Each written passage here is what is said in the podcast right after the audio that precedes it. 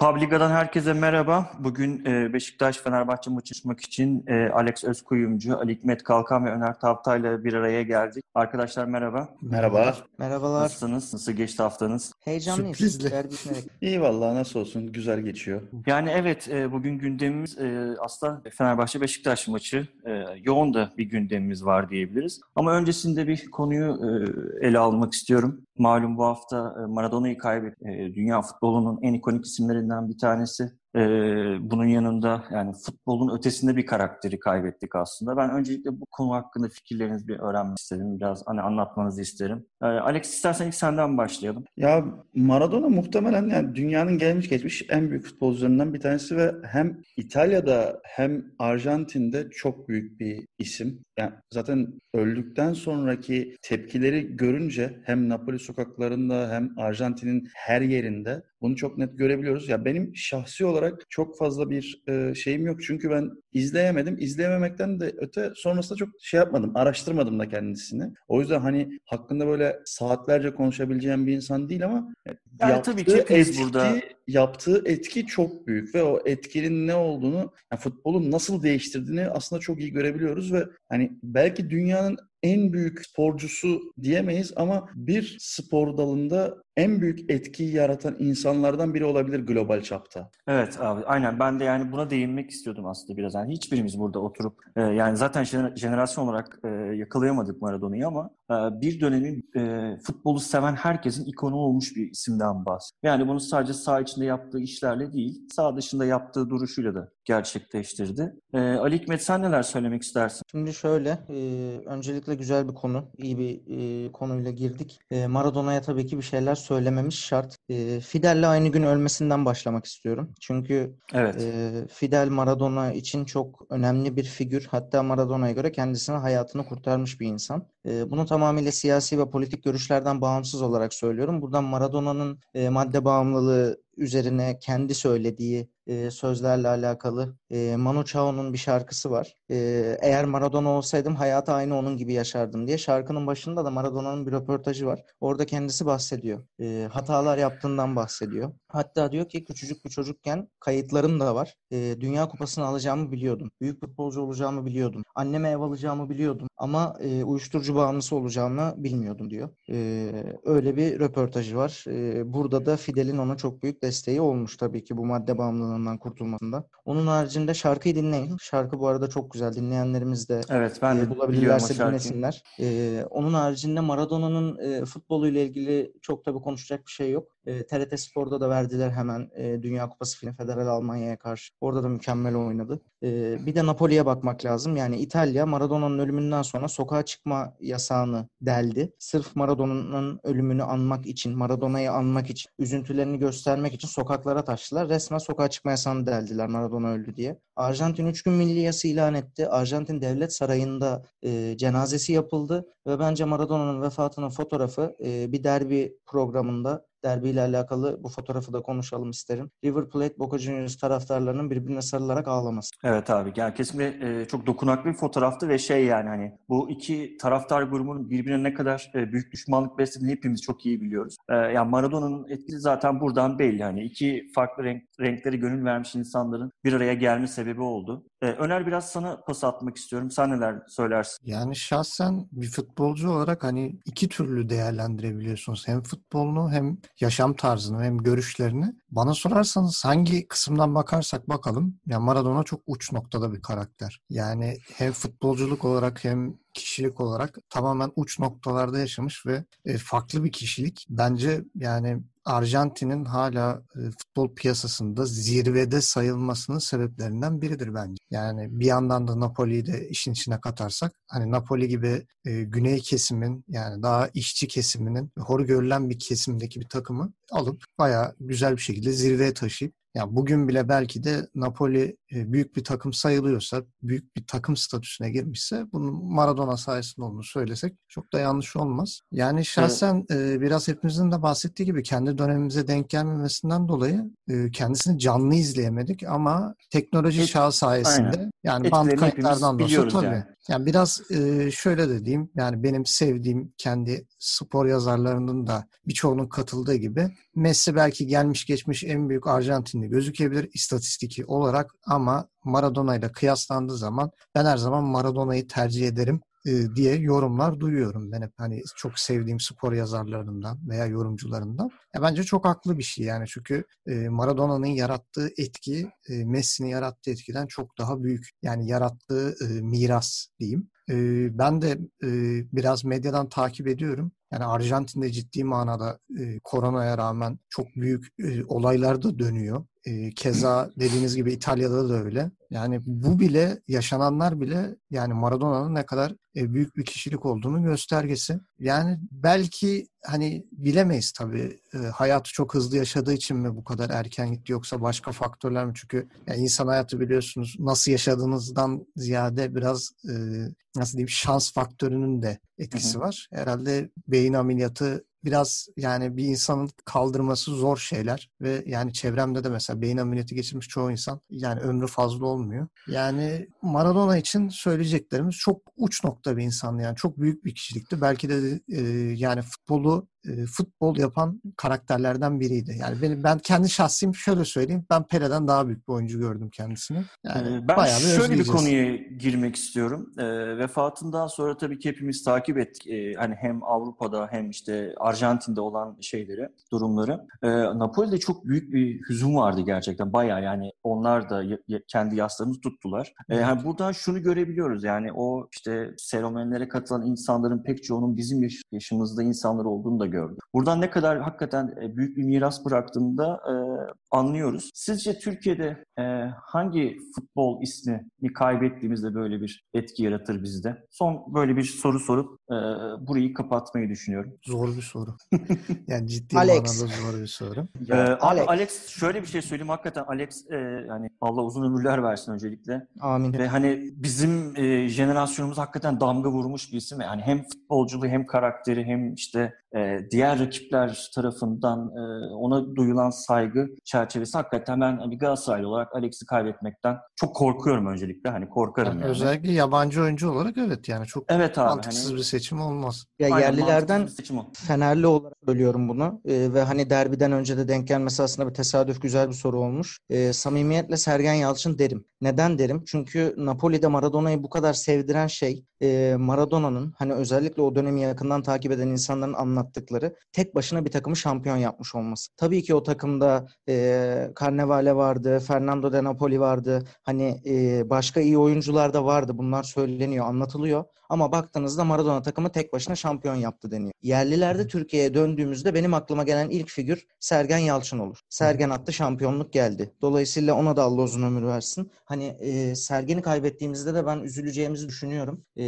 böyle bir etki yaratacağını düşünüyorum. Şöyle bir durumda var. Maradona'da da aynı. Yerel anlamda, lokal anlamda e, Sergen'de de aynı bir söz. Maradona aramızdan ayrıldıktan sonra olmadı bu sevgi. Genelde hani büyük insan, evet. büyük düşünürler, e, büyük icatları yapan bilim insanların değerleri sonradan anlaşılıyor. Evet. E, değeri sonradan anlaşılır. Aynen öyle. Ama Maradona'da bu böyle olmadı. Değeri zaten hali hazırda e, bilinen, herkesin sevdiği, e, her yere davet edilen bir e, kişilikti, karakterdi. E, Sergen'in de öyle olduğunu hani yerel olarak sorduğumda benim aklıma Sergen geldi. Bilmiyorum Alex ne der, Öner ne der? Yani aslında e, kısmen benzerlikler var. Hani evet. Maradona'yla mesela yani, e, Sergen'in yani futbola kattığı. E, yetenek olarak, saf yetenek olarak hakikaten onun seviyesinde bir futbolcu sanırım yok yani. Sergen'in seviyesinde olmadı. E, karakter olarak da yani hani Sergen pek çok takımda yer aldı. Pek çok takımın formasını giydi ve kimse tarafından çok büyük antipatisi olmadı. E, herhangi çok bir dobra, taraftar dobra konuşur yani. Evet. Böyle herkes bunu çok iyi bilir yani. Aynen öyle. E, o yüzden Sergen figürü de e, yani aynen tüm dileklerimiz gibi hani uzun yaşaması e, ama kaybettiğimizde de hakikaten e, tüm Türkiye'nin çok üzüleceği bir isim olabilir diye düşünüyorum ben de. Bence de Fener'den de ben Tuncay'ı sayabilirim açıkçası. Yani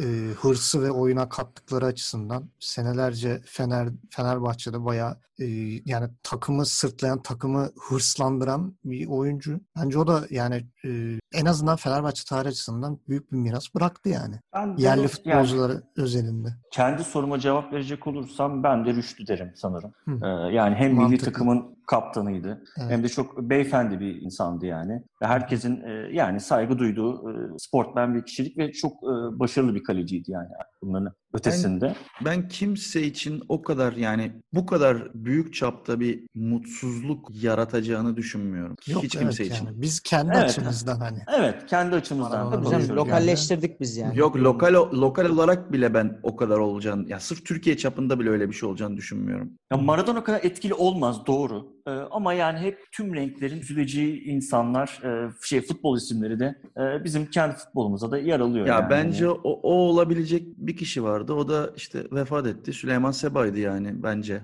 Yani aynen herkes e, onun da vefatında çok üzülmüştü. Orada ne kadar yaşadığının etkisi herhalde. var. Evet. Tabii. Yani mesela Maradona aslında e, erken yaşta hayata gözlerini yumdu maalesef. Hani e, futbolu hala yakın tarihte hatırlanır oynadığı futbol. Yani orada biraz da erken e, aramızdan ayrılmasının da bir Tabii, tabii. üzüntüyü katlama etkisi var. Tabii tabii. O da var. Yani bundan bir 15-20 sene sonra vefat etseydi bu kadar büyük bir etki olmayabilirdi de. Evet yani en, Evet. en kötü yaşlılığına dem vururduk falan. Aynen ben de katılıyorum görüşlerinize. İsterseniz yavaş yavaş maça biraz geçelim. Maça geçmeden önce az önce e, haberlere düşen bir şey gördüm. O konuyla ilgili bir tebrik etmek istiyorum. 3 şember ve 2 labut aletinde Avrupa şampiyonu olan ve ülkemize ilk kez bu kategoride şampiyonluğu getiren ritmik jimnastik grup milli takımımızı tebrik edelim. Ondan sonra Tebrik edelim abi. maça başlayalım. Evet, gerçekten büyük başarı. İnşallah jimnastikte, atletizmde e, daha sık kendimizi e, görürüz bu platformlarda diye umuyoruz. Amatör branşlarda nedense hiç böyle beklentimizin olmadığı şeylerde müthiş başarılar görebiliyoruz. Ee, Yani abi burada çok biraz güzel çok bir dikkat konuya şey. giriyorsun. Ee, yani ben mesela ne bileyim voleyboldaki başarımızı ayrıca bir konuşmak isterim yani. Yani. Ee, Orada yaptığımız işler çok değerli ve yani e, dünyanın zirvesindeyiz orada. Ama maalesef şu an e, derbiyi ele alalım dedik. Abi Ama çok güzel çekmeyen konu. şeyler başarılı oluyor bizde yani. Evet, ben onu evet. ciddi manada anladım. Üzerinde baskı yaratmayan her alanda başarılıyız gerçekten. Evet. Ee, isterseniz yavaş yavaş geçelim. Ee, Geçelim geçelim. Fenerbahçe-Beşiktaş maçına. Fenerbahçe 3. sırada e, gayet bek- sezonluk beklentileri karşılayan bir performans sergilediğini de görüyoruz. E, bunun yanında 9 maçta 6 galibiyet, 2 beraberlik, 1 mağlubiyetle 3. sırada yer alıyor. E, Beşiktaş ise 7. sırada 9 maç oynadı şu an. Özür dilerim 8 maç oynadı. 4 galibiyet, 1 beraberlik ve 3 mağlubiyet aldı. İlk topu e, Ali'ye atmak istiyorum. E, Ali senin e, derbideki maçtan beklentilerin nedir oyun olarak? Ne tarz bir oyun beklersin Erol Hoca'dan? E, nasıl bir e, stratejiyle çıkacağını düşünüyorsun? Yani e, gönül ister ki şey diyeyim burada böyle "Aa, Fenerbahçe paçavraya çevirir, şahane oynar, şöyle yapar, böyle yapar. İşte puan durumunu da söyledin. 6 galibiyeti var, 20 puanı 23 yapar, Beşiktaş'la farkı ona çıkarır falan filan derim belki ama e, derbileri biliyoruz hepimiz. Neler yaşadık yıllarca derbi tarihine baktığımızda. Burada Evet. ben e, öncelikle şunu söylemek istiyorum. Erol Bulut da Sergen Yalçın da çok saygı duyduğum, beğendiğim iki hoca. E, genç jenerasyon. Dünyaya da baktığımızda zaten artık e, dede tipi e, ileri yaşlı hocalarımızın çok başarılı olamadığı, hani belki bir el sayı falan sayarız bu e, yerde ama genelde işte Klopp'a çok heyecan duyuyoruz. E, yaşı daha genç Guardiola'ya olan duyuyoruz. hocalarımız Guardiola'ya duyuyoruz. E, onun haricinde işte şimdi Bayern Münih'e de baktığımızda genç hoca, Red Bull Leipzig genç hoca. E, Beşiktaş'ta Sergen Yalçın, Fenerbahçe'de Erol Bulut. Ben öncelikle iki kulübün de doğru yolda gittiğini düşünüyorum. Fenerbahçe özelinde konuşursam Beşiktaş'ta pası zaten Öner'le Alex'e at. Yani derbiden beklentim aslında şu. e, Fenerbahçe'nin oyununu kabul ettirmeye çalışmasından ziyade Beşiktaş'ı iyi okuması. Ve ben bunu Erol Hoca ve ekibinin yapabileceğine inanıyorum. İki haftaya baktığımızda Fenerbahçe e, sistemini biraz değiştirdi. Caner Erkin'in e, ortaları tek çözüm ve tek çareydi. E, ortalar isabetsiz olduğunda ya da isabetli ortalar gole dönmediğinde Fenerbahçe sonuç alamıyor. Bunu e, Perotti'nin ve Pelkas'ın takıma monte edilmesiyle aslında kanat forvetsiz oynayarak yani Valencia'nın koronavirüs olmasından sonra kanat forvetsiz oynayarak biraz değiştirdi. E, kupa maçıyla da birlikte ardından Gençler Gençler Birliği maçı ardından kupa maçıyla birlikte şeyi gördük. Orada bir de Karagümrük hazırlık maçı var. E, daha verkaçlar, dikine futbol, aralara paslar. Hani o, oyunu sadece kanatlara yıkmak değil de kanatlara inen oyuncuların içeriye kat etmesi gibi e, farklı farklı varyasyonları denemeye baş. Şahsi fikrim Fenerbahçe yine bu son 3 maçta yaptığı gibi verkaçlar, birebir, içeri girme, dışarı çıkma gibi kendi oyununu kabul ettirmeye çalışırsa bundan biraz zararlı çıkabilir. Çünkü karşısında da Sergen Yalçın Yalçın ve Beşiktaş var. İlla ki onlar da Fenerbahçe'nin sistemine çalışacak. Yani ben Fenerbahçe'den varyasyonlu bir futbol bekliyorum. Diyelim ki Fenerbahçe e, verkaçlarla araya paslarla başladı. Sergen Yalçın önlem almış. Öyle mi? Çok güzel. Hemen B planımıza geçiyoruz. E, Ortala Caner mesela. E, Hı hı. Böyle bir şey görmek istiyorum. Fenerbahçe'de bu şekilde hareket ederse e, kazanacağını düşünüyorum. Çünkü kağıt üzerinde de baktığımızda yani kağıt üzerinde derken e, akla direkt iddia geliyor. İddia oranlarına baktığımızda Fenerbahçe'nin 1.60-1.70 civarı bir oranı var. Hı hı. Derbi tarihinin en düşük oranlarından. Çok da Ee, hayırlı olmuyor tabii böyle bir şey. Buraya bir virgül ama- koyacağım. Ee, Evet. Sana sonrasında bir başka bir soru soracağım. Ee, Hı hı. istersen e, Öner'e bir top atalım. Ee, Öner Evet. sen ne düşünürsün e, sorularımla alakalı? Şöyle diyeyim. Yani ben Beşiktaş'ın hani bu sene oynadığı futboldan keyif almıyorum. Yani yalan Hı hı. olmasın. Özellikle ilk başta bir sağ bek sıkıntımız vardı. Ben gelen Rozier'i ciddi manada çok beğeniyorum. Ama sol bek hala soru işareti. Yani ben geldiği günden beri En Sakala ile Wellington'a hiçbir şekilde bir inancım yok. Yani çok iyi bir katkı verdiklerini de düşünmüyorum. Ama yani şöyle bir durum var. Sergen Yalçın'ın şöyle bir etkisini görüyorum ben. Anadolu takımlarıyla oynarken Beşiktaş zorlanıyor. Beşiktaş biraz daha topu verip e, kontrata yatkın bir futbol oynamaya başlıyor. Yani Beşiktaş eğer topa sahip olursa kapalı bir takımı açamıyor. Hı hı. Ama mesela şimdi büyük maçlara bakıyoruz. İlk maç Trabzon. Trabzon maçı bizim için çok yanıltıcıydı. İlk hafta Trabzon'a karşı takım muhteşem oynadı ve dedik ki ya hiç beklentimizin çok yukarısına Beşiktaş gelecek galiba. Öyle bir şey olmadı. tec- yani. aslında şey de vardı yani Trabzon'un hocası da e, tecrübesizdi. Evet, yani E şimdi onu geçtim. Mesela onu biraz ona bağladım. Dedim ki ya tamam bak adam ondan sonra Trabzon bayağı tepe taktikti. Ama Başakşehir yani geçen haftaki Başakşehir galibiyeti yani çok bambaşka bir e, konuya evrildi. Yani Beşiktaş topu rakibe bıraktığı zaman çok rahat pozisyona giriyor. Çok hızlı çıkabiliyor. Mesela şeyin e, geçen hafta Başakşehir'e Larin'in attığı gol muhteşem bir hızlı bir kontratak. Yani Beşiktaş bunları iyi başarıyor. Bu yüzden şunu diyemiyorum. İşte Beşiktaş kazanamaz. Yani bu derbiyi kazanma imkanı yok diyemiyorum. Çünkü Hı hı. Fenerbahçe oyunun hakimi olacak. Yani bu belli. Yani Fenerbahçe topa sahip olacak. Hem ev sahibi olduğu için hem de Beşiktaş topu vermek istediği için. Ama bu hangi tarafın faydasına olur? Çok emin değilim. Çünkü Erol Bulut da e, yani taktik anlamda çok kuvvetli bir hoca. Oyunu iyi okuyan bir hoca. İkinci yarı yapılacak değişiklikler, hamleler bence işin kaderini belirler. Çünkü Sergen Yalçın kulübeden oyunu değiştirmekte, oyunu okumakta bence Erol Bulut'a göre daha geride. Yani biraz e, teknik direktör kapışması gibi olacak ve e, oyuncu değişiklikleri maçın kaderini belirler diye düşünüyorum. Şöyle bir soru soracağım sana. Ee, bu maçta Vida, Laiç, Dorukan, e, Gökhan Töre, Hasic ve Ersin Destanoğlu'nun olmayacağını biliyoruz. Ee, sence eldeki bu malzemeyle ne kadar çıkartabilir deyip sana bir pas atayım sonrasında Alex'in görüşlerini alacağım. Yani şöyle Başakşehir kadrosundan çok da farklı bir kadro yok elde. Yani bir Laiç mesela kenardan girip ikinci yarıda e, katkı vermiş. Ama Dorukan'ın mesela olmayışı yani bu derbide Dorukan'ı arayabiliriz. Yani öyle diyebilirim. Çünkü Dorukan ciddi manada Atiba ile birlikte uyumu orta sahada çok kuvvetli. Ama tabii Atiba, Joseph, Dorukan üçlüsünden oluşan bir orta sahanın da üretkenliği ciddi manada soru işareti olacaktı. Yani şahsen geçen hafta Başakşehir karşısında iyi performans göstermiş 11'i çok bozacağını düşünmüyorum. E, bu maçta da e, şöyle bir durum var. Karşısında bu sefer Başakşehir yok. Fenerbahçe var ve Fenerbahçe'nin orta sahası bence son zamanların en güçlü Fenerbahçesi. Ellerinde Gustavo, Sosa ve Ozan Tufan gibi her an her şeyi yapabilecek, gol veya asist yapabilecek oyuncular var. Yani orta sahayı ciddi manada e, o üçlüyü boğması lazım. Yani özellikle Josef'le Atiba'nın e, bunların Fenerbahçe üstünde bir baskı olması lazım ki Fenerbahçe'yi biraz e, ciddi manada pas trafiğini bozsun. Yoksa e, Ali'nin de bahsettiği gibi Caner'in orta oyunlarına kalırsa Fenerbahçe'nin işi çok daha zora girecek. Ee, Alex sen ne düşünüyorsun bu konuda? Ben Maç maç maçın genel durumu hakkında, e, oyun tarzı hakkında ve Beşiktaş'ın da e, eksiklikleri var. Beşiktaş'ın eksikleri var ama mesela Oğuzhan da geri dönüyor. Oğuzhan'ı muhtemelen hoca ikinci yarı kullanır. Ben bu maçın kilit noktasının orta sahalar olacağını düşünüyorum. Yani Gustavo Sosa, Ozan Tufan'a karşı Joseph de Souza, Atiba muhtemelen Mensah üçlüsü karşı karşıya gelecek. Yani hangi üçlü orta sahayı baskılı alırsa o taraf öne geçer. Ama yani sonuçta Kadıköy'de olacak maç. O yüzden Fenerbahçe'nin ilk başta çok sert ve e, atak başlayacağını tahmin ediyoruz. Hı hı. O sırada eğer bir kaza golü yenmezse bence maç çok dengede gider ve hatta bir süre sonra belki sıkıcı bir maç haline bile gelebilir. Ben Beşiktaş'ın daha çok Gezel tarafından Caner'in arkasına koşarak belli ataklar yapacağını düşünüyorum. Caner'in defansif zaafını kullanacaklardır muhtemelen. Hı hı. Bizdeki en büyük sıkıntı da defans. Yani ben de aynı şekilde Wellington ve Ensakala geldiğinden beri hiç memnun bu ikiliden ve bu maçın da oynaması bekleniyor. Gerçi Wellington yerine Necip'in oynama ihtimali de var deniyor ama nedense Ensakala kesin oynayacak gibi duruyor. Yani Rıdvan düşünülmüyor anladığım kadarıyla. Yani en azından medyada okuduğum kadarıyla.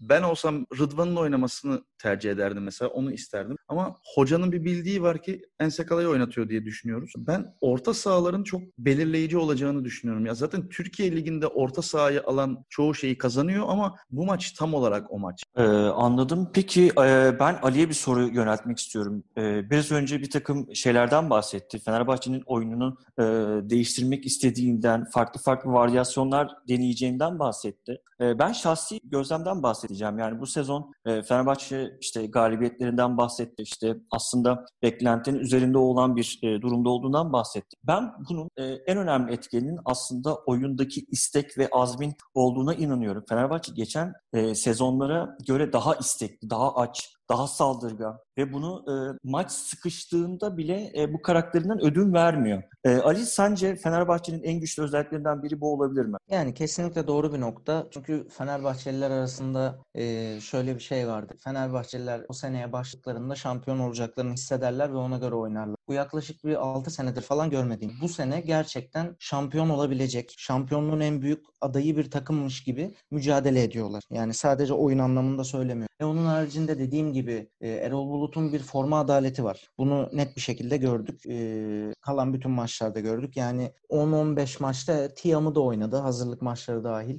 Yani Tiam'ı da oynadı. Ferdi'si de oynadı. Perotti geldi. Valencia, Samat da. Şimdi Samat da formdan düştü. Sisse oynuyor onun yerine. E, Ademi rotasyona girdi. E, bu durum e, açıkçası beni memnun eden bir durum. Ve e, aynı Öner'in de bahsettiği gibi e, hocaların değişiklikleri e, dediğimizde şimdi bir Beşiktaş yedek kulübesine bir de Fenerbahçe yedek kulübesine baktığımızda Erol Bulut'un e, şapkadan tavşan çıkarması daha kolay gözüküyor Beşiktaş'a nazaran. Hı hı. E, muhtemelen de e, illaki ilk 11'lere geleceğiz ileriki dönemde ama mesela saydığımız orta saha üçlülerinde Mert Hakan Yandaş oynayamayacak. Ki e, ben Fenerbahçe'nin bu sol açık ve sağ açıkta kanat oyuncularından ziyade Perotti ve Pelkas gibi aslında 10 numaradan devşirme oyuncular kullanmasını biraz buna bağlıyorum. Yani Perotti ve Pelkas'ın ayağında top tutmasıyla Fenerbahçe bence orta sahada üstünlük sağlayacaktır. Çünkü öbür türlü e, kör dövüşü gibi olacak. Mükemmel 3 tane orta saha Beşiktaş tarafında, mükemmel 3 tane orta saha Fenerbahçe tarafında.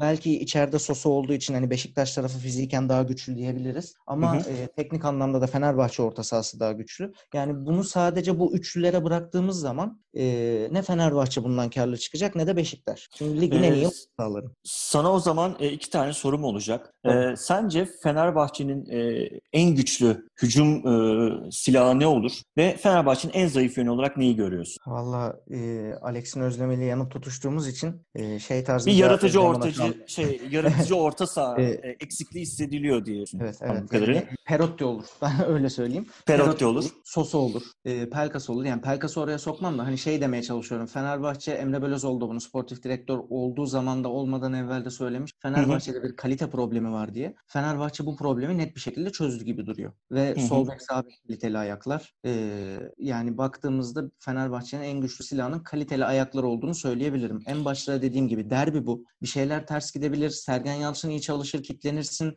E, sahaya sürdüğün kadro iyi oynayamayabilir. Her şey olabilir derbide. E, orada Tabii. da işte devreye bu yetenekli ayaklar çıkıyor. E, en güçlü tarafı bu. E, zayıf tarafı olarak da e, sabit bir golcümüz yok. Yani mesela öyle ya da böyle Beşiktaş'ta Abu Bakar en uçtaki adam. Solda da sol açık Larin var. Forvet'ten, Santrfor'dan devşirme diyeyim daha doğrusu Forvet'ten de e, sol açık olarak e, oynuyor Larin. Genelde golleri Larin'den görüyoruz. İleride hı hı. de Abu Bakar var. Yani aslında baktığımızda bir e, yapı sistem var. Fenerbahçe'ye baktığımızda e, o uçtaki adam işte Samat'ta ilk haftalarda geldi. iki muhteşem gol attı. E, ardından bir formdan düştü. Sonra Sisse geldi. iyiydi, kötüydü. Geçen yıl formu yüksek ama yaşı ileri muhabbetleri başladı. E bir yandan Ademi var. E, boylu poslu. Acaba Fenerbahçe'nin ihtiyacı pivot santrfor mu? Yani hala Fenerbahçe en uçtaki adamını bulamadı. He, bunu ben %100 bir dezavantaj olarak değerlendirmiyorum. Yani Sisse'yi koyarsan e, derbide muhtemelen Sisse oynar zaten. E, kimse sana niye Sisse oynuyor demez. Ademi'yi koyarsan da kimse sana niye Ademi oynuyor demez. Hı hı. Ama mesela Beşiktaş'ta kesin uçta Abu Bakar oynar diyebiliyoruz. Bence bu biraz. E, yani zaten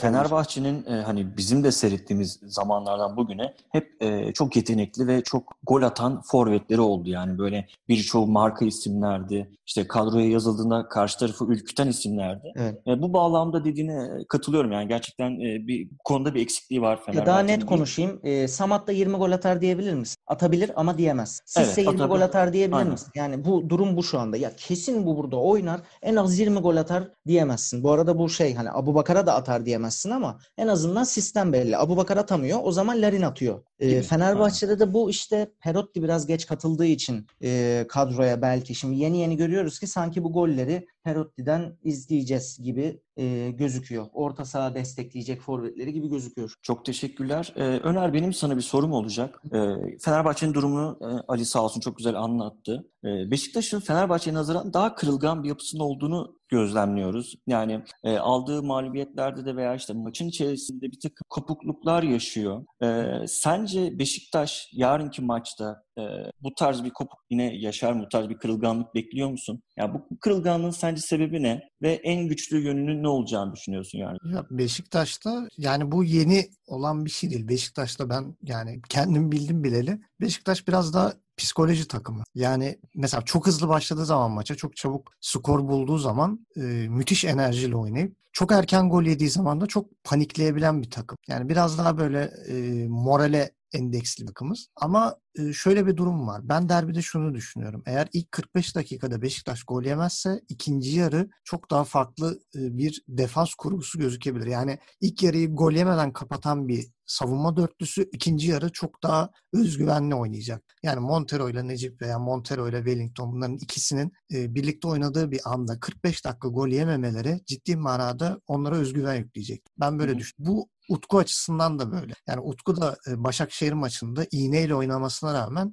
yani kendisinden beklenilen performansı gösterdi ama dezavantajlı. İğneyle oynamanın dezavantajıyla. Ben biraz e, özgüvenli çıkacaklarını düşünüyorum ama maç başı şok etkisi yaratacak bir gol yani işleri tamamen değiştirebilir. E, o biraz sıkıntı. Yani ben Beşiktaş'ın en büyük eksikliğinin bu olduğunu yani hmm. ilk yani ilk başta Fener bir aynen. kırılgan takım olduğunu düşünüyorsun. Evet yani Erol Bulut eğer derse ki arkadaşlar ilk 15 dakika deli gibi baskı yapacağız. Hani rakibi hataya zorlayacağız savunmaya özellikle. İşte Montero'ya ya da işte Necip'e Wellington'a baskı yapın. İşte En Sakal'a pas konusunda sıkıntılı ona baskı yapın deyip Fener Fener hızlı bir gol bulursa ciddi manada işleri tam tersine çevirebilir. Ve e, moralman Beşiktaş çöktüğü anda toparlaması çok kolay olmuyor. Yani burada bu sefer şey devreye giriyor. Duran toplardan veya e, Fenerbahçe saldırıyorsa tekrar kontratak bekleme. Yani burada Beşiktaş'ta bence bu konuda e, en büyük katkı sağlayacak isim Rozi olur. Yani ciddi manada çok iyi bindirmeleri var. E, Fenerbahçe'de de eğer sol bekte Caner yer alırsa oradan Gezer'le Rozier'in e, ciddi manada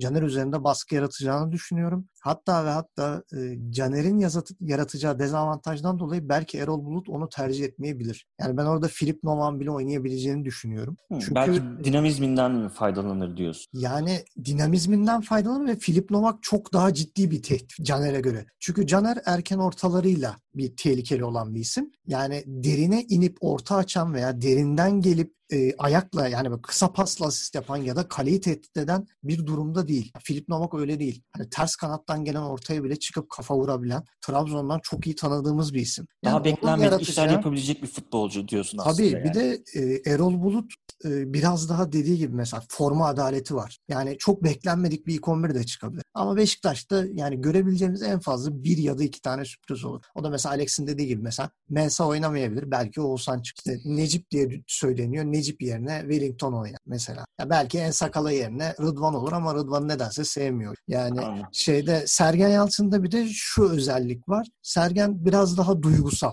Yani e, iki hafta önce Montero'nun yaptığı hata yüzünden röportajda ciddi manada Montero'yu ateşe at. Hani Wellington Wellington dediniz. Wellington bir sakatlandı. Savunmaya bak. Ya yani bu kendi takımına söyleyeceğim bir şey olmaması lazım. Yani televizyona karşı söylememelisin. Soyunma odasını söylersin, oyuncuyu eleştirirsin. Bak ben seni kaç zamandır oynatmıyorum. Bir fırsat geçti ne yaptın? Ben sana nasıl güveneyim? Bunu oyuncuya söyleyebilirsin. Yani bu kızgınlığını dile getirebilirsin. Ama bunu televizyon önünde söylemek yani çok hoş değil. Yani bence biraz Beşiktaş'ın kırılganlığını bu da sağlıyordur. Yani oyuncuların hepsi profesyonel olmuyor. Bazıları ciddi manada kırılgan oluyor. İşte ne bileyim duygusal bir yapıya sahip oluyor. Bu e, ciddi manada takım çok etkiler. İnşallah bu maçta böyle bir şey görmeyiz. Yani bence bu da çok büyük bir faktörü olacak. E, Alex e, Öner çok güzel açıkladı aslında. E, sen peki bu kırılganlık konusuna katılıyor musun? E, Beşiktaş'ın en zayıf noktasının bu olduğunu düşünüyorsun yoksa başka şeyler eklemek ister misin? Neler düşünüyorsun? Ya Beşiktaş'ın kırılganlıkla ilgili bir sıkıntısı yok bu sene ya. Bu sene bence daha çok sakatlıklarla alakalı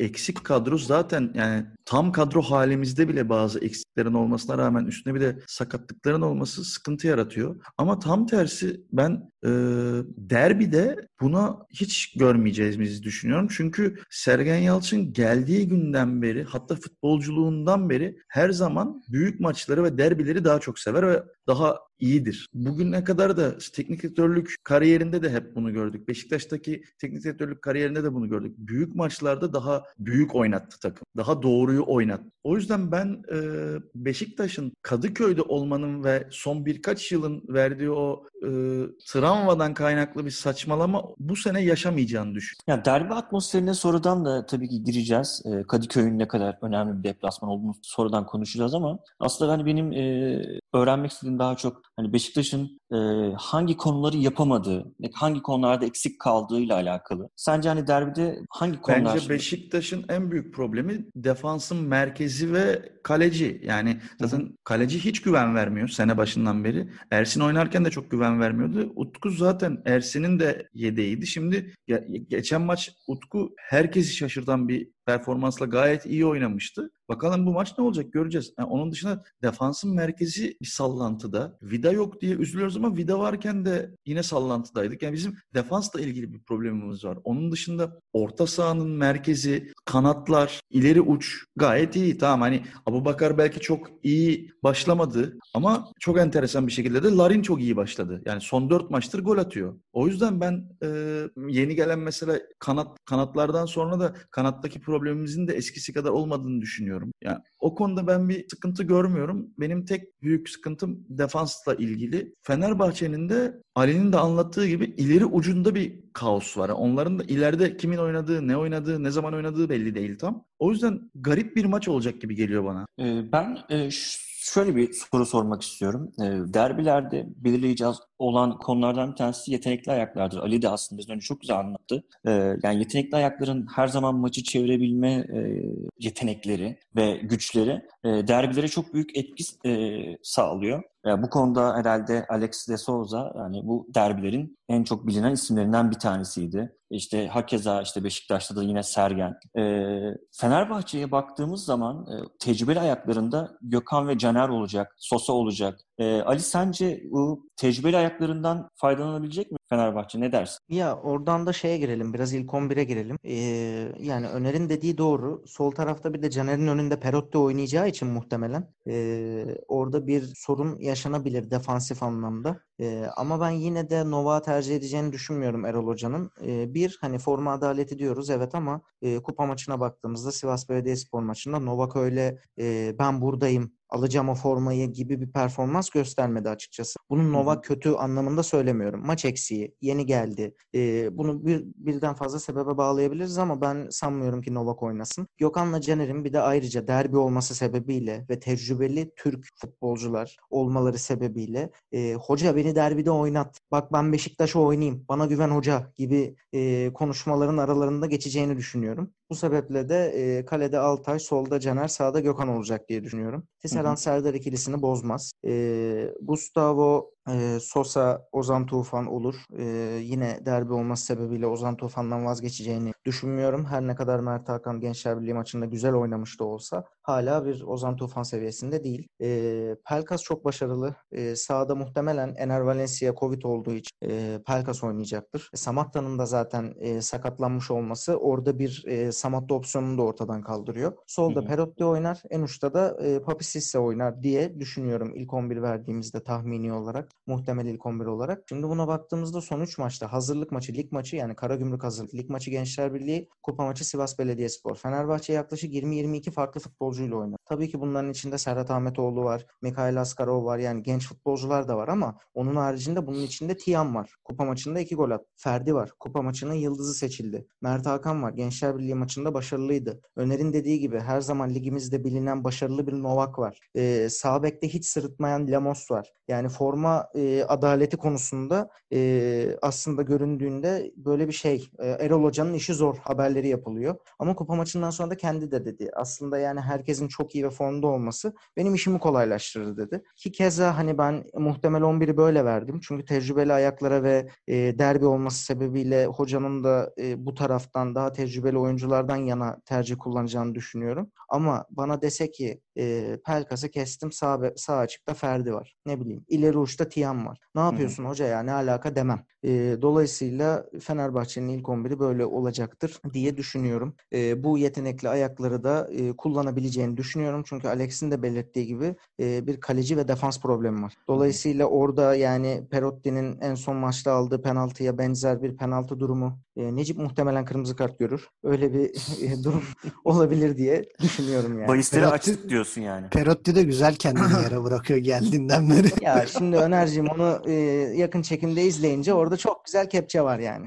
Bilmiyorum artık ya. Ee, tartışmalı Sağ dışından pozisyonlara maç öncesinden girmeyelim. Ee, ben görüşlerini alayım. Ee, Ee, ben Ömer, bir araya girmek istersin? istiyorum. Şeyle ilgili, Fenerbahçe'nin kadrosuyla ilgili. Yani aslında bu derbi değil de genel olarak bence hocanın karar vermesi gereken çok büyük bir konusu var. O da Caner. Ya Caner'in ofansif yönü çok iyi ama Caner gün geçtikçe defansif olarak iyice bitiyor. Bence asıl problem Fenerbahçe'de o. Yani Caner'i oynatmak okey. İleri uçta çok güzel ama Caner'in arkasına atılacak ya da Caner'in üstüne doğru gelecek her pozisyon büyük sıkıntı ve Beşiktaş'ta o konuda hem Rozier hem Gezal Fenerbahçe'nin o tarafını çok zorlayacak gibi geliyor bana. Ve ama ben de Tisserand'ı bayağı zorlarlar öyle durum. ya ben ama evet yine yani Caner'in oynayacağına eminim ben de. Ali ile aynı şeyi düşünüyorum ama Caner seçeneğinde de öyle bir şey var. Handikap Ya var defans bence. olayına defans olayına şöyle cevap vereyim. Ee, yani Hasan Ali'ye saygısızlık olarak değil ama e, 6 yılda Fenerbahçe'nin sol bekinde Hasan Ali oynadı. Defansif yönü daha kuvvetli diye.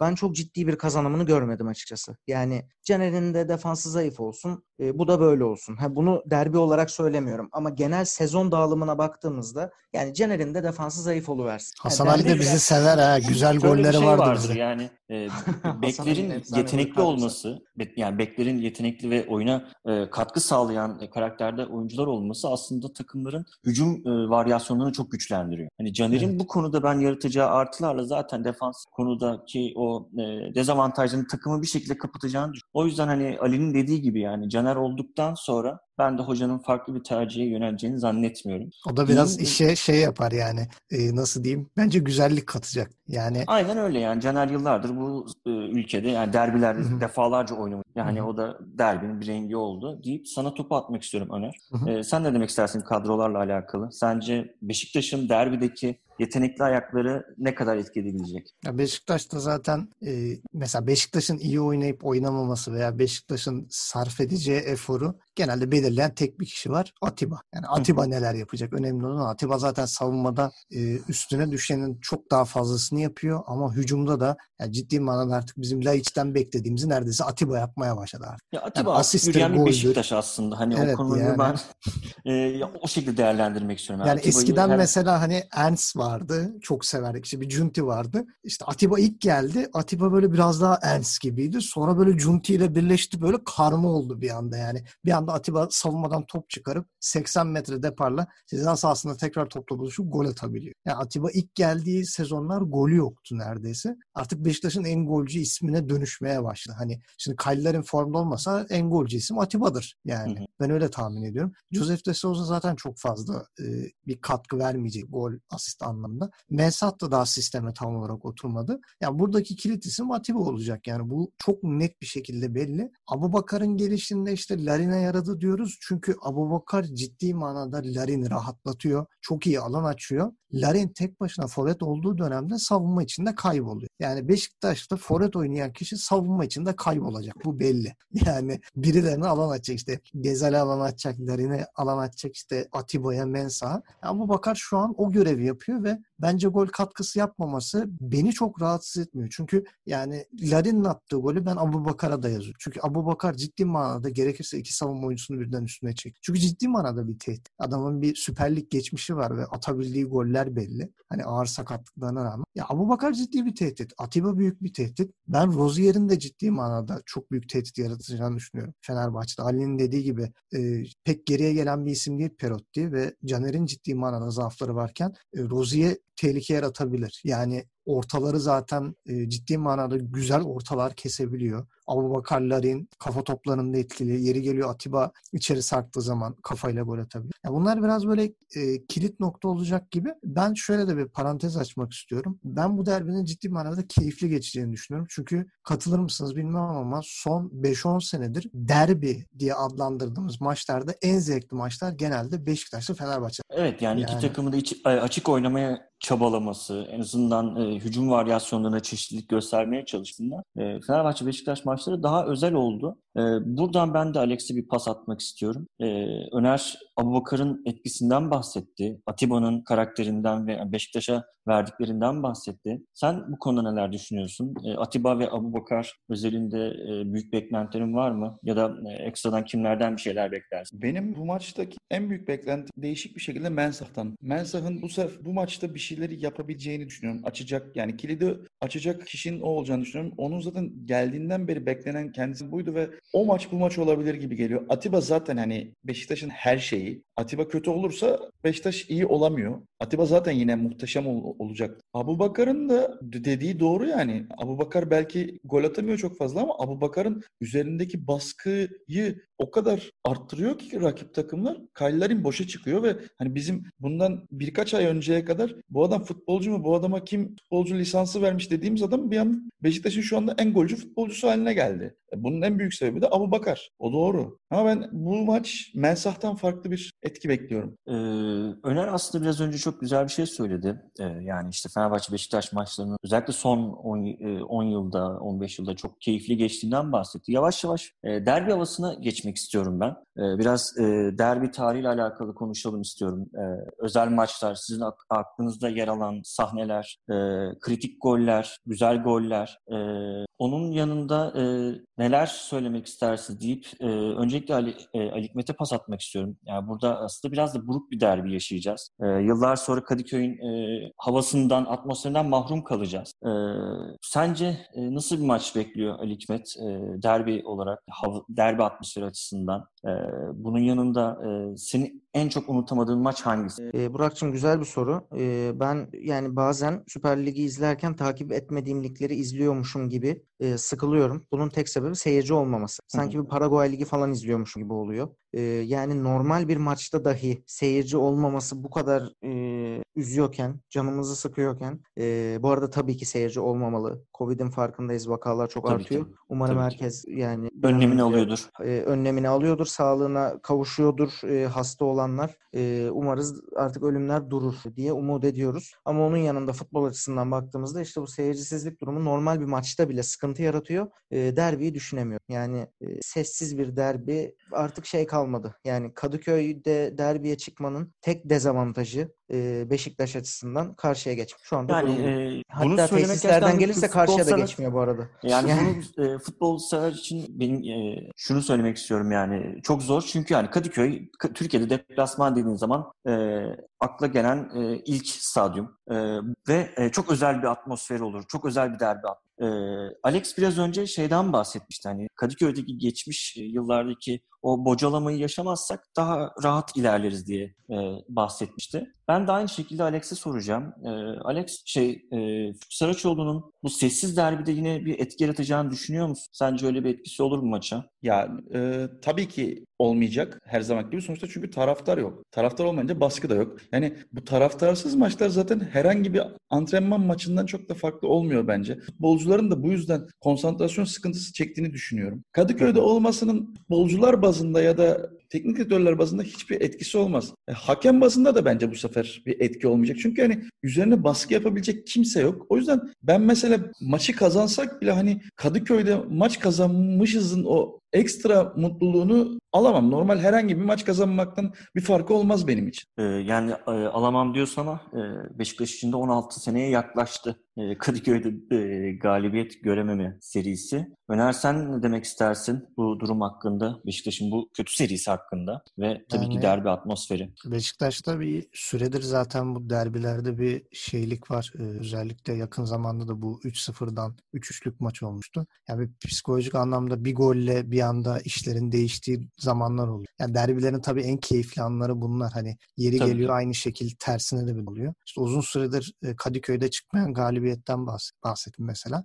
Aynı şekil Galatasaray'da da çok uzun bir seriden sonra mesela Galatasaray da kazandı. Ya, e, üzüntümün e, aslında sebeplerinden bir tanesi bu dediğim gibi. Hani Hı hı. e, Fenerbahçe çünkü Saraçoğlu Stadyumu hakikaten derbiler çok özel bir yer. E, çok özel bir atmosfer yaşanır onun içinde, çevresinde, maç günü Kadıköy'ün muhtelif yerlerinde taraftarlar o anı yaşar. Tabii ki aynı şekilde Dolmabahçe'de de benzer durumlar var. E, bu keyiften mahrum kalacak olmamız tabii ki hepimizin e, adına üzücü e, e, üzüntülü bir durum. E, Kadıköy'deki bu e, aslında mağlubiyet serilerinin önemli sebeplerinden biri de taraftar da her zaman. İşte Çünkü Fenerbahçe taraftar camiası çok sever yani derbiyi. Hani evet yani derbi odaklanmayı çok iyi biliyorlar. derbiyi çok odaklanmayı- sever. Bayılırız. Bayılırız Evet. derbi. Ve hani şey yani seni, sezon içerisinde de çok güzel hedefler oluşturuyor bu hani e, takımlar adına da Fenerbahçe de bunu çok ciddiye alıyor. Ben e, Ali Hikmet'e unutamadığı bir Beşiktaş maçını soracağım. Hatta varsa sayabilir 3-4 tane fark et. Biraz önce gördüm ki Öner de unutamamış. Hasan Ali'nin Karius'a attığı golü. Marcelo Hasan Çılgın gol. Ma- Marcelo Hasan Hasensio falan ne ne gündem olmuştu o da ya. Ne fotoğraflar ne kolajlar yaptılar ona. Ee, Mbappe de tabii unutamıyordur hala. e, enteresan bir maçtı. Yani çünkü böyle yani ne oluyoruz dedik bir anda. E, dünyamız şaştı falan. Sonra bir şekilde geri geldik. O yakın tarihin, yakın dönemin unutulmaz maçı diyebiliriz ama tarih E, çok olarak güzel bir maçtı ayrıca. Evet maç olarak da güzeldi. Ee, Anelka'nın golü kesinlikle faul yok. İngiltere'de onları çalmıyorlar bile. O taç çizgisinden alıp da. Ee, abi yanlış hatırlamıyorsam Koray Avcı'ydı karşısındaki. Evet Koray Avcı'ydı. Çok Zaten üzülmüştü. oradan da Aynen. unutamadığım maçı şeye bağlayacağım. Hani unutamadığım maç sadece kazandığım maç mı? Hayır tabii ki. Oradan e, Anelka'nın kesinlikle faulsüz Koray'a fiziğiyle kazanarak taştan alıp attığı inanılmaz gol. Kaleci de Cordoba'ydı. E, Evet. O maç güzeldi. Tuncay Şanlı, Mert Nobre arasındaki Verkaç'la son dakikalarda İnönü'de gelen gol. O maç çok güzeldi. E, bir de unutamadığım tabii ki e, aynı Koray Avcı'nın e, 35, 36, 37 metrelerden vurduğu Bence bu Yok ama o kadar değil. bırakmalıyız. Ya bana şey tarzıydı o kadar uzak değil diyorsun da ya adam kendi yarı sahasından vurdu falan basketbol gibi. orta, orta sahadan at. Vallahi onlardır yani. Tabii o maçın şeyi Koray'dan ziyade Panku'nun kaleye geçmesiydi ama Ee, Oradan size atıyorum abi. işte pası. Onu da siz anlatın. Bana ne? Değil mi yani? Hiç Panku kaleye geçmiş. Hiç centilmenlik yani. yaparak aynen Koray'dan pas attık size. Yani, Siz de o pası değerlendiremediniz tabii ki. evet. ya bizim için herhalde ikimiz için de aynısıdır yani. En böyle sevindiğimiz maç o 4-3'lük maçtır ki ben tribündeydim. Gerçekten hani tribünün en üstlerinden filandım. Galiba en aşağı Amigoların önüne kadar düşmüştüm yani. Öyle bir gol sevinci olmuştu o dördüncü golde. En büyük travmamız da muhtemelen ikimizin de aynıdır. O Tuncay'ın son dakikada attığı goldür. Tam böyle oldu bitti derken maç çat diye son saniyede gol yemiştik. Adam Benim bu Santra'dan alıp ikisiyle atmıştı çok acayip yani. anılarım var ya. Harika bir goldü. Şahane. Yani pamuk gibi. O, o goldeki şoku hatırlayamıyorum yani. Unutmak istiyorum daha doğrusu. Öner sen ne diyeceksin? Ya ben şöyle diyeyim. Ben ikisi için de çok komik bir anım var. E, 4-3'lük maçta ben radyodan dinliyordum. Ya şey oldu böyle hani Koray Koray gol deyince ben kendi kalesine attı zannettim. Yani ciddi manada dedim yedik abi sıçtık yani hani 3-2'den verdik maçı falan diye düşünürken adam dedi ya Koray attı bir de ceza yayından. Yok dedim ya şey değildir falan. Sonra Beşiktaş 4-3 öne geçti deyince anladım mevzu. Yani çünkü hiç ihtimal vermiyorum. Hani Beşiktaş'ta galibiyet golünü getirecek adamın Koray'ın atacak olması ve ceza sahası dışında. Ben dedim herhalde kaleye çok güzel bir gol attı yani kendi kalesine. Yalnız Ama orta saha yayıydı. Ceza yayı değil. Sonradan televizyondan izleyince ben de dedim yani ulan orta sahadan atmış adam niye cezayı yedi diye. E, onun dışında da işte bu e, Kleberson'un attığı o zamanki o muhteşem frikik golü biz daha babamla izliyorduk. Gol sevincini daha yaşarken baktım Fenerler seviniyor falan. Hani biz daha Beşiktaşlar ayaktayken yanda Fenerler ayaklandı. Dedik ulan ne size ne oluyor? Bir baktık Tuncay seviniyor yani. Hani televizyona görmemişim ki golü göreyim. Ya Hani- bu arada Beşiktaş'ta resmen iki tane oyuncu var. Bir tanesi Kleberson, diğeri de Fink. Beşiktaş tarihinde ne yaptılar desen sadece ikisinin de Fenerbahçe'ye birer tane golü var. Ve Onun dışında uzaktan aklıma- inanılmaz Abi çok güzel Evet, golleri Onun dışında var yani aklıma bu hiçbir şey de gelmiyor yani o iki futbolcuyla alakalı Beşiktaş kariyerleriyle alakalı. İkisinin Yani de ama bizde- uzaktan gol. Bize bizde derbi seven mesela hani derbi oldu mu çok etki yaratan bir isim. Benim en son hatırladığım ciddi manada Numa. Yani hani Ha, bu arada e, benim asıl yani böyle çok yani çok eski olduğu için belki siz hatırlamazsınız ama ben Sergen'in 90'a attığı o free kick golünü de şey çok iyi hatırlarım ve yani o, o maç da efsane bir maçtı mesela. şey Recep'in kariyerini bitiriyor. Abi benim Fenerbahçe Beşiktaş derbileriyle alakalı bak bir tane şey var. Yani bir tanesi aslında fenomen bir şey. Ee, formsuz Fenerbahçe forvetlerinin Fenerbahçe der, derbilerinde, Beşiktaş derbilerinde aşırtma golleri. Kejman. Kejman'ın böyle bir e, aşırtmasını hatırlıyorum. De bir Guiza'nın- gol bu arada. Aynen Tam bir şey golü var. diyecektim. Yani bizim şu anda sorunlu forvetimiz yok. Benim ya Fenerbahçe'nin en büyük eksiği sorunlu forveti olmaması diyecektim. Gerçekten samimi söylüyorum. Yani sorunlu forvetimiz yok ya. Şu an şöyle bir maçlık falan Van Persie'yi alsak, Kejman gelse falan hani Değil mi? Sadece bir o maçta ihtiyacımız var. Şey bir de e, benim çok e, fanatik bir Fenerli arkadaşım da şunu söylüyor. Ben bu derbiden emin değilim. Çünkü Fenerbahçe kötü olduğu zaman derbi kazanırdı. İyi Hı hı. gittiği zaman hep sıkıntı çeker. Hani mesela şimdi baktığımız zaman derdi Fenerbahçe'nin şampiyon olduğu senelerde Galatasaray maçları daha zor geç. Beşiktaş maçları zor geç. Ondan sonra o da şu an onun korkusunu yaşıyor. Diyor ki ya iyi durumdayız. Ya Beşiktaş yenerse ben şaşırmam. O yüzden korkuyorum diyor. Önercim yani. söyle korkmasın. Şampiyon olacaksak ben verelim maçı size sorun değil yani. Buyurun, buyurun alın yani. Yeter abi Benim yıllardır abi- Kadıköy'de 15 senedir yenemiyor. Kadıköy'de 20 senedir yenemiyor. Kadıköy aşağı Kadıköy yukarı tamam bunlar çok güzel istatistikler. Çok güzel şeyler de yani beni övme reis bana para ver ya. Ben şampiyon olmak istiyorum abi. Yeter ya Fenerbahçe şampiyon olmalı yani. Ama Ali bunu siz yaptınız ya. Senelerce biz şampiyon olacağımıza Fenerbahçe, şey, Fenerbahçe olarak Beşiktaş'ı Galatasaray'ı içeride dışarıda yenelim deyip deyip durdunuz. Alın işte O- istediğiniz O oldu. konuya ayrıca geleceğim ama ben şey şeyi söylemek istiyorum aslında. Benim en unutamadığım gol abi. O- Yani o golü hakikaten böyle e, bırakın işte Galatasaraylı olmam dışında işte derbileri falan takip etmem. İzlediğim en güzel gollerden bir tanesiydi. Simao'nun e, 2-2'lik maçta attığı bir gol vardı. O da yine ceza sahasında ayak Of, içiyle. evet evet o çok Hmm. E, güzel. yatarak izliyordum abi maçı ve hani gol olduğunda şeyden heyecandan doğrulmuştum. Kanepeden düştüm. Evet. o golü asla unutmuyorum yani bu derbilerdeki. E, o yüzden e, yani benim yani dışarıdan bakan bir Galatasaraylı olarak en unutamadığım gol e, olarak onu O söyleyebilirim. şey maçı ya 2-2'lik maç değil mi o? Evet Simao evet attı, sonrasında Alex attı. taraftarlar ileriye Almeida attı. vesaire. Bir de aynen Almeida ilginçtir. Ya Galatasaray'a Fener'e gol atıp başka kimseye Se- gol evet, atamıyor. 88'de de Christian Baroni attı. Evet. O da şey e, gözyaşı Baroni. Canım benim. Özlüyorum bazı eski futbolcuların geriye dönüp baktığım Da- zaman. David'leri falan. Ya abi Van Persie de var. Ee, Oğuzhan Özyakup'un önüne doğru kaydı. Kışkırtmacı Van Persie. Herkes şey de- tombalacı Numa falan tamam da e, bir yandan Yok da de Quaresma var. yani di, Efsaneyi de dilci, dilci Van Persie var. Dirsekçi. Quaresma. Caner Evet. küfür edebilir muhtemelen. Evet. Klasik abi. Yayıncı yani. kuruluş e, mikrofonu kapatabilir diyorsun. Abi benim istediği kadar kapatsın. Hakem duyar onun küfrünü. Orada bir yani bilmiyorum çok e, maçtan sonra da bir araya geleceğiz herhalde ama Tribün olsaydı biraz iyice şova dökebilirdi yani. Ya, tribünleri E, tribün demişken e, benim yine Fenerbahçe Beşiktaş maçları alakalı unutamadığım bir olaylardan tanesi var. E, yanlış hatırlamıyorsam 2003 yılındaydı. Ariel Ortega'nın Fenerbahçe'de e, forma giydiği zamanlar. Fenerbahçe Beşiktaş taraftarı Fenerbahçelere bir pankart hediye etmişti. İşte, cesur yürek Ortega yazan ama İspanyolcusu bambaşka anlam olan korkak tavuk Ortega'mış. Sonradan hepimiz öğrendik. İşte Fenerbahçe taraftarı ona açtı işte maçtan önce Ortega'yı onurlandırmak adına ama Ortega şaşırdı vesaire. Sizin bu derbide bir unutamadığınız... Ha? Hiç ben hatırlamıyorum öyle bir şey. Oldu mu öyle bir şey? Google Translate eksikliği işte o zaman. Sizin unutamadığınız böyle bir tribün e, olaylarından hangisi var? Neler söylersin? Ya ben konuşmaya Biraz başlarsam var. yani program 6 Konuş saat falan abi. sürer. Şu O an yüzden derbi havasını yaşamak için hiç toplandık. gerek yok ama Şey, bahsettiğin... Alex'le derbi diye ayrı program yapalım. Evet evet yani bana Alex'le derbi diye ayrı bir program yapsanız anca biter yani. Sonuçta 20 senedir her maça gittim. Yani artık ne anlatabilirim bilmiyorum ama o bahsettiğin pa- pankartı yapan da bizim ekip. E, ellerine sağlık Alex'in abi. Güzel bir trollemeymiş Abi yani. hiç öyle bir pankart yani ya Alex demese ben hiç hatırlamıyorum öyle bir olay. Ben sana Basına falan da WhatsApp'tan düşmedi atarım. bence o. Ali Hikmet e, burada seni yedirmem tabii ki. E, Böyle sen iki kere iki tane söyleyebilirsin. zamanından filan şey var yani bayağı o, o videolar filan da var onları da atarım istiyorsan sana. Ben bir tane duruyor.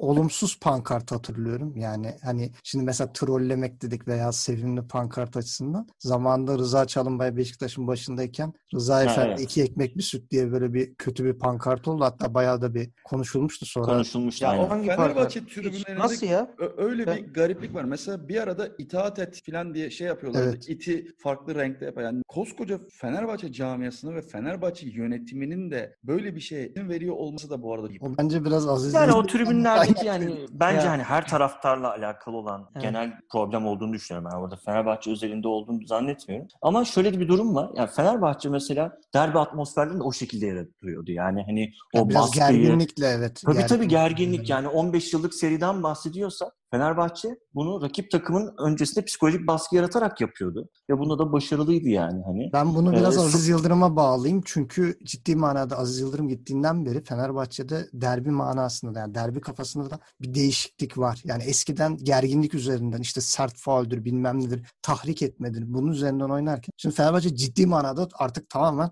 top oynamaya odaklı. Hani tribünlerde daha çok işte rakibi tahrik etmekten ziyade takımı e, gaza getirmeye, ateşlemeye çalışıyor. Evet. Yani biraz Ee, bunun etkileri var. Ya şu an baktığınızda mesela Sergen Yalçın hakem konuştu. Ardından işte Tugay Kan Numanoğlu Ali Koç şirketlerinde çalışıyordu gibi bir haber ortaya atıldı. En son Fenerbahçe açıklama yapma gereği doğmuştur. Bütün kayıtlar mevcut. Tugay Kan Numanoğlu bizle kesinlikle Ali Koç'un hiçbir şirketinde çalışmamıştır. Ee, hakemle ilgili de şikayet edecek olsaydık geçen yılki Kayseri maçı üzerinden böyle atama mı olur diye biz şikayet ederdik ama yapmamayı tercih. Abi Yani gerek saçma yok böyle çalışabilir şeylere. yani adam yani Yani gerek kere yok koskoca böyle koç yani. yani. o da var. Koskoca Ali, Ali koç. Koç'un firmalarından birinin olmak demek yani adam sallıyorum çocukken e, Arçelik bayisinde bile çalışmış olabilir. Ya Adam ne staj yapar şey yapar. Yani bence de çok ya bizde nedense böyle çok acayip şeyleri büyütüyoruz. Hani pireyi deve yapma vardır ya. Ya ciddi hı. manada bundan da biraz kurtulmamız lazım. Yani adam öyle çalışır ya bir profesyonellik var abi. Yani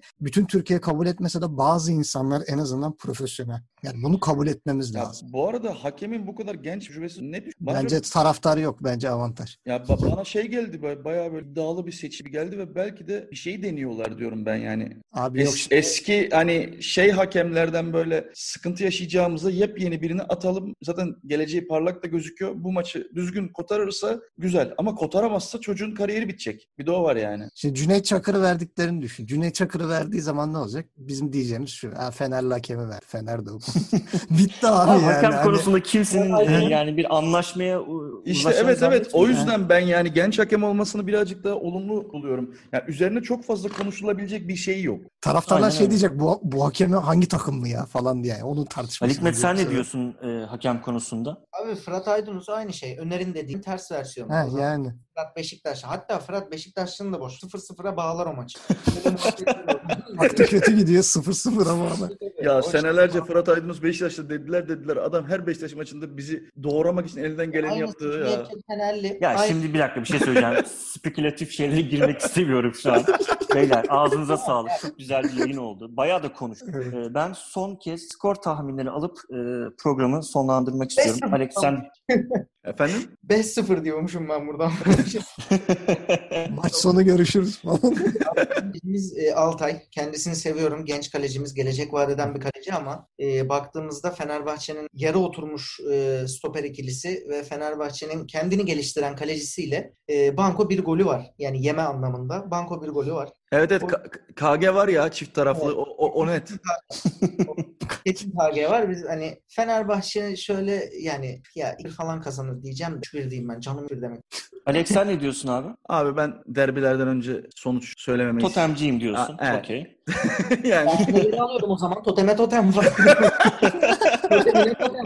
Yok, tenet Çok Ya iyiymiş. Çok iyi. Öner sen ne diyorsun abi? Ben şöyle diyorum abi ben daha geniş şey yapayım. 2-1 Beşiktaş öne geçip sonra 3-2 kaybedecek. Yani ben öyle hissediyorum. bir maç bizi bekliyor diyor. Yani Ya, ö- çünkü ö- öyle Başakşehir şey- maçından sonra öyle bir şey olursa biz programı maçtan 6 saat sonra falan yapalım. Ben ancak kendime Yani- gelirim. çünkü iddia, iddia oynarken de Başakşehir Ee, maçında arkadaşı dedim ki git Başakşehir'e ver. Çat diye Beşiktaş yani. Bu da benim. Ben ben de şöyle düşünüyorum. E, tarafsız ve dışarıdan bir göz olarak. E, bugün pek çok değerlendirmeler yaptık ve bence hani çok e, güzel konuştuk maçı. E, ben Fenerbahçe'nin maç kazanma isteğinin ve arzusunun e, Beşiktaş'ın diğer pozitif e, etkilerinden de daha üstün geleceğini düşün, düşünüyorum ve ben de 3-1 diyorum. E, Beşiktaş mutlaka golü bulacaktır. Hani Sergen'in, Sergen Hoca'nın e, bir takım hazırlıkları vardır. E, ama ben de e, Ali'ye katılıyorum ve ben de 3-1 diyorum. Ağzınıza sağlık beyler. Çok güzel bir program oldu. E, yine beklediğimizden daha akıcı. E, derbinin her şeyini konuştuğumuz, hatta Maradona ile açtığımız güzel bir yayın oldu. E, hepinize çok teşekkür ederim. E, bu Derbiden arada sonra bizim- görüşürüz. Evet derbiden sonra görüşürüz. Maçtan sonra Ee, görüşürüz. Ee, sevgili Publica e, dinleyenleri sizlere de çok teşekkür ederiz. Spotify'dan bizi takip etmeyi unutmayın. Ee, sosyal medyadan da bizi bulabilirsiniz. Instagram, Twitter adreslerimiz mevcut. Ee, maçtan sonra görüşmek dileğiyle. Hoşça kalın diyorum. Hoşçakalın. Hoşçakalın.